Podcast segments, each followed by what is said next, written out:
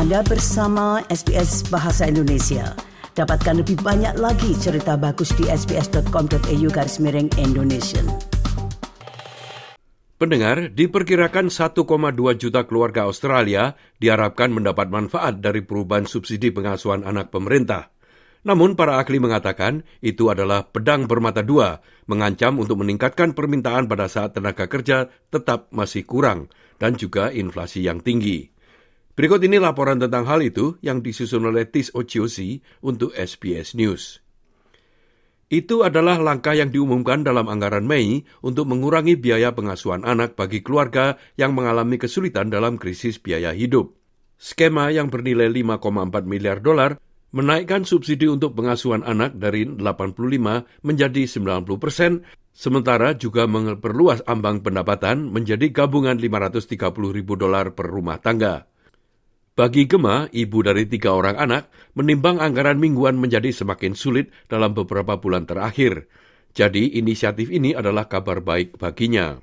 Oh, definitely going to put that extra food on the table. Do you know what I mean? I'm going to be able to you know, buy the kids the, the extra things that I haven't been able to buy them when it comes to particular foods. You know, you, you can't go out and buy the lavish meats like you probably normally would. So, you know, you, you stick to the, the cheaper, the bulkier bulk items to make it more affordable. Ia mengatakan akses yang lebih baik ke pengasuhan anak akan memungkinkan ia untuk kembali bekerja paruh waktu atau penuh waktu sehingga dapat menghasilkan lebih banyak pendapatan untuk keluarga. Namun ia mengatakan masih ada satu masalah yang besar. If I do want to go back to work now, the hardest thing for me is to be able to get the availabilities for daycare. Um, I know that the, the daycares at the moment are quite quite full. Um, to get the availability, that's going to be hard for me, especially if I go back full time. Um, I've already asked a, a couple of centres in our local area and can't get those days. So if I can't get those days, potentially I might not be able to work full time. I might only be able to do part time. Um, or not work at all and stay on a one income family at home. Juliana Fryer adalah seorang pendidik anak usia dini di Pusat Pengasuhan Anak di Sydney. Ia mengatakan permintaan sudah tinggi bahkan sebelum perubahan itu diberlakukan. We working with almost full capacity and we have a waiting list for parents. So yeah, we we do have a lot of people trying to bring their children in and we try to accommodate as many as we can. Richard Bell adalah CEO dari pusat itu dan ia mengatakan bahwa ia tidak sendirian dalam hal berjuang untuk menyeimbangkan biaya menjalankan bisnisnya. You've got to look at the cost of capital that it costs a developer to hold the asset, cost of nappies, which have gone up 17.5% in the last 12 months alone, the award wages that we put up every year by 3 to 4%, um, that's gone up you know, over the last three to four years. If you look at the materials, toys, resources, and food, it's taking its toll on the sector. Hal serupa juga dialami oleh Siwang, yang mengatakan bahwa panggilan telepon dari orang tua yang ingin mengirimkan anak-anak mereka ke pusatnya semakin meningkat dan stafnya tidak dapat memenuhinya.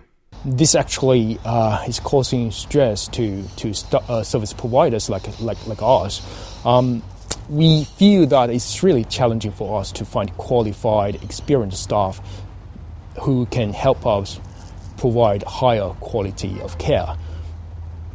Investigasi yang dilakukan oleh Komisi Persaingan dan Konsumen Australia atau ACCC menemukan rumah tangga berpenghasilan rendah menghabiskan sebanyak 21 persen dari pendapatan mereka untuk perawatan anak. Laporan itu juga menunjukkan biaya pengasuhan anak melebihi tingkat inflasi. Konsultan pendidikan Lisa Bryan mengatakan ada alasan tertentu mengapa biaya tersebut naik begitu tinggi.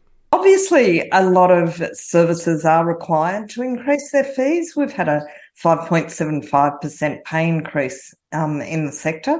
So, um, you know, the only way to cover those kind of increases is to increase fees. But on top of that, there is definitely some price gouging by some companies, especially the larger corporates and companies that are run by private equity, companies that are designed to make money out of childcare, and that's really all they're doing. Pemerintah mengatakan ACCC akan memantau penyedia dengan cermat karena subsidi itu baru saja mulai diperlakukan. Itulah tadi sebuah laporan yang disusun oleh Tis Ociosi untuk SBS News dan disampaikan oleh Ricky Kusumo. Anda ingin mendengar cerita-cerita seperti ini? Dengarkan di Apple Podcast, Google Podcast, Spotify atau di mana pun Anda mendapatkan podcast Anda.